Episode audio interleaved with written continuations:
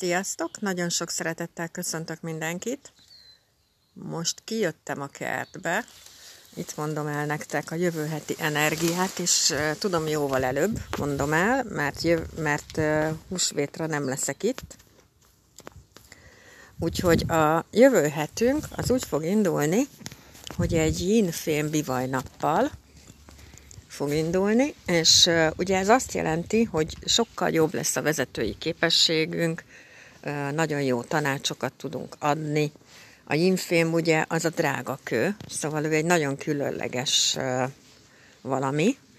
Hogyha valakinek van yinféme, a radixában, ő nagyon-nagyon különleges. Szóval ő az ékszer, ő a király, a királynő, a drága kő, ő akkor is különleges, hogyha mondjuk leül egy sarokba, és a fejére húz egy pokrócot, az az ember akkor is ki fog tűnni, vagy egy zsákot, mert ő mindenféle helyzetben kitűnik.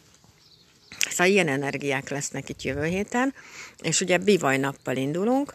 Na most a bivaj az meg egy ínföld állat, és szóval akinek van bivaja, vagy kecskéje, vagy kutyája, azoknak általában nincsen önbizalmuk pedig tele vannak kincsekkel egyébként, és őket úgy is hívják, hogy sír állat. A bivajt, a kecskét és a kutyát. Szóval sokkal többet foglalkoztatja az a dolog az embert, hogyha van bármelyik zodiákus a, a radixában, hogy mi az élet értelme, miért élünk, mi van a halál után. Szóval ilyen komoly kérdések vannak benne folyamatosan, és ugye az ilyen tükröknek mindig van egy szerepe, mindegyiknek más, de általában véve mindig ilyen, az, rég, a szamszkáráink vannak benne, és mindig megállítanak. És mindig, hogyha fáj, akkor bennünk van a hiba. Úgyhogy ezeken érdemes elgondolkodni, mert tudunk változtatni a dolgainkon, hogyha szeretnénk, és akkor ez így el fog múlni. Szóval az például, hogy nem tudom hány évvel ezelőtt a nagymamánknak mi volt a véleménye rólunk, az az ő véleménye, attól még te nem biztos, hogy valószínűleg nem olyan vagy. Szóval ezek mindig olyan érzelmi dolgokat jelentenek, amik fájnak, megállítanak minket, és hogyha fáj, akkor mindig bennünk van a hiba, amit ott ki tudunk javítani.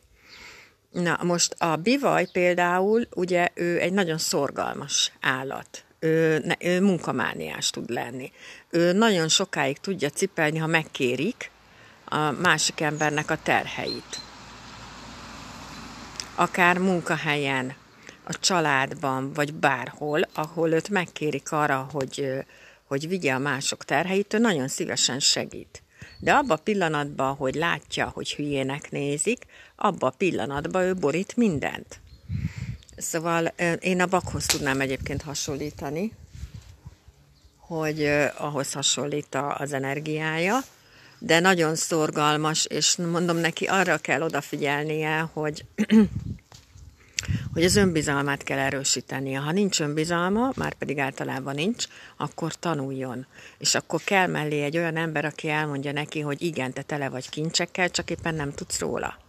De most jövő héten lesz egy leépítésünk is, Szóval, hogyha külvilág bepróbálkozik nálunk, akkor egy dolgunk van, hogy kiálljunk magunkért.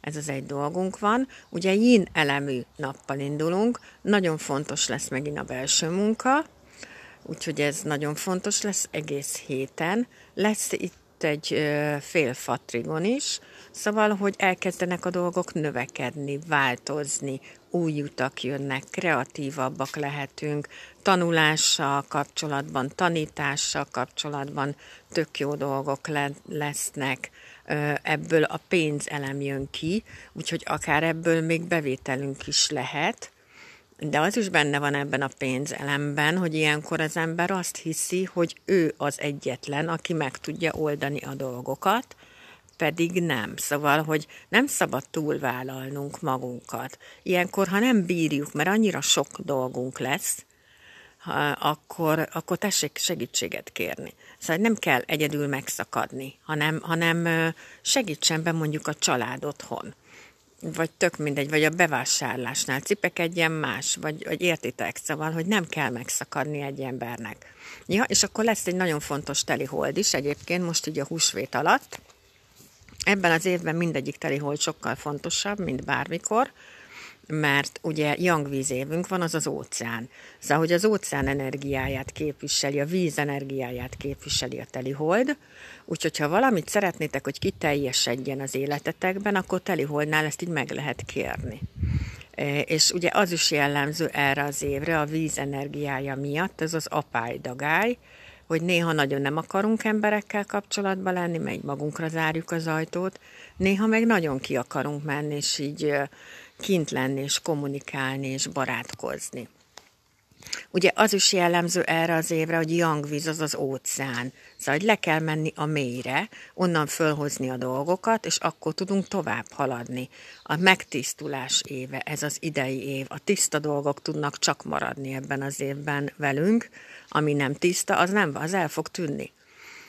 Akkor az is jellemző, hogy ugye az óceánnak a tükre, az lehet, hogy, hogy olyan az óceánnak a teteje, hogy ilyen tök sima, de alul örvények vannak. Szóval, hogy, hogy ezek így el tudják az embert vinni, ezek az érzelmi dolgok. Ezért érdemes nagyon meditálni, mantrázni, relaxálni, jogázni, vagy bármi, amit tudtok így csinálni. Magatokért, nem másokért, magatokért. És én azt tudom egyébként mindenkinek javasolni, hogy húsvétkor csináld azt, amit szeretnél. Szóval ne a kötelező dolgoknak akarjál megfelelni, hanem ha te pihenni szeretnél, mert tele van a hócipőd azzal, hogy az egész család elvár dolgokat, akkor pihenjél. Azt csináld, ami téged tölt. Na, mindegyik ötöknek csodás hetet, csodás hónapot, köszönöm, hogy itt voltatok, sziasztok!